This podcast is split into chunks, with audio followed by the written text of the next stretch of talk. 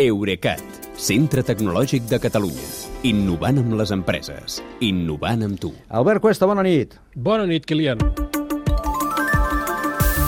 Avui sembla que parlarem d'un sector que sembla o semblaria que està una mica en crisi i mm per primera vegada diré que no m'importa massa que hi estigui, A mi tampoc. que són els ciberatacs de ransomware, que diríem que ja no són, podríem dir, no ho sé, això m'ho has de dir tu, tan bon negoci pels delinqüents, perquè l'any passat van facturar un 40% menys.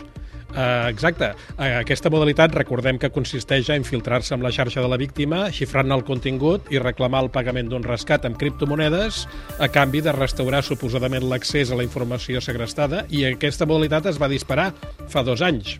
Uh, per exemple, si l'any 2019 es, es van pagar un total de 175 milions de dòlars en rescats, el 2020 la xifra total es va multiplicar per més de 4 i va assolir els 765 milions de dòlars.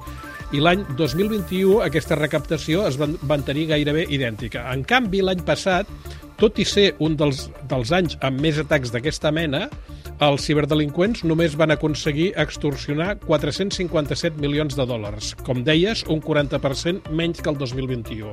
Jo dubto que hi hagi gaire sectors econòmics que hagin vist baixar tant la seva facturació en un any. Ja dèiem que greu no ens en sap. Uh, aquesta caiguda és perquè les víctimes paguen menys o perquè hi ha menys víctimes que paguen?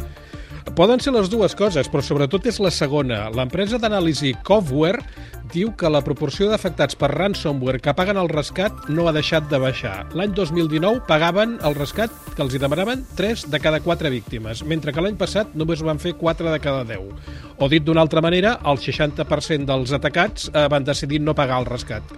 Eh, jo crec que això és probable que faci créixer la quantitat de dades que s'acaben filtrant, perquè hi ha allò que es diu la doble extorsió i els delinqüents eh, poden acabar prenent represàlia eh, de les víctimes perquè no els hi han pagat. Ja. I com és que les víctimes de ciberatacs són, no sé si dir, més valentes, eh? o diguem-ho així, gosen cada vegada més a negar-se a pagar rescat? Doncs hi ha tres motius principals. El primer ve a coincidir amb una recomanació molt habitual de les autoritats, que, les, que és que les víctimes s'adonen que pagar el rescat no els garanteix recuperar l'accés a les dades segrestades, perquè al final, a l'altra banda, el que hi ha és un delinqüent, una mala persona. Mm. El segon és que, com hi ha tants ciberatacs, ara ja no fa tanta vergonya amb una empresa o amb una institució reconèixer que n'han patit un i la seva reputació no es veu tan afectada. I el tercer motiu és que les organitzacions n'han anat aprenent i ara ja moltes apliquen polítiques de còpia de seguretat més robustes, de manera que si els dolents els bloquen el sistema, com ha passat, eh, ja hem explicat sovint, eh, el que poden fer és esborrar-lo del tot i tornar a l'estat anterior de l'atac amb les dades eh, intactes. En bona mesura, això ha passat perquè les companyies d'assegurances exigeixen que tinguis una bona política de còpia de seguretat per no apujar-te les primes.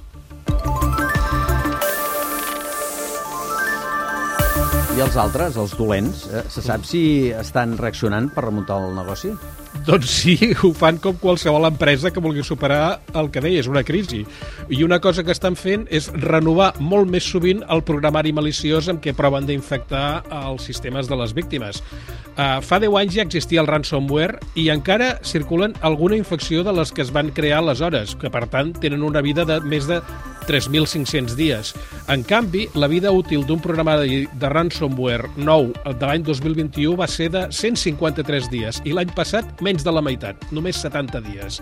Es veu que si un cop passat eh, aquest període els delinqüents veuen que la facturació els ha baixat, abandonen el software i es posen a infectar amb una variant nova. Doncs mira, sí, una variant, precisament, d'allò d'utilitzar i tirar, eh, una mica, Sí, sí, sí, és això. com tantes altres coses, neveres incloses. Molt bé, escolta, moltes gràcies, Albert, bon cap de setmana.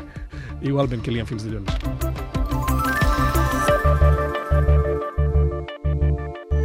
Eurecat, centre tecnològic de Catalunya. Innovant amb les empreses. Innovant amb tu.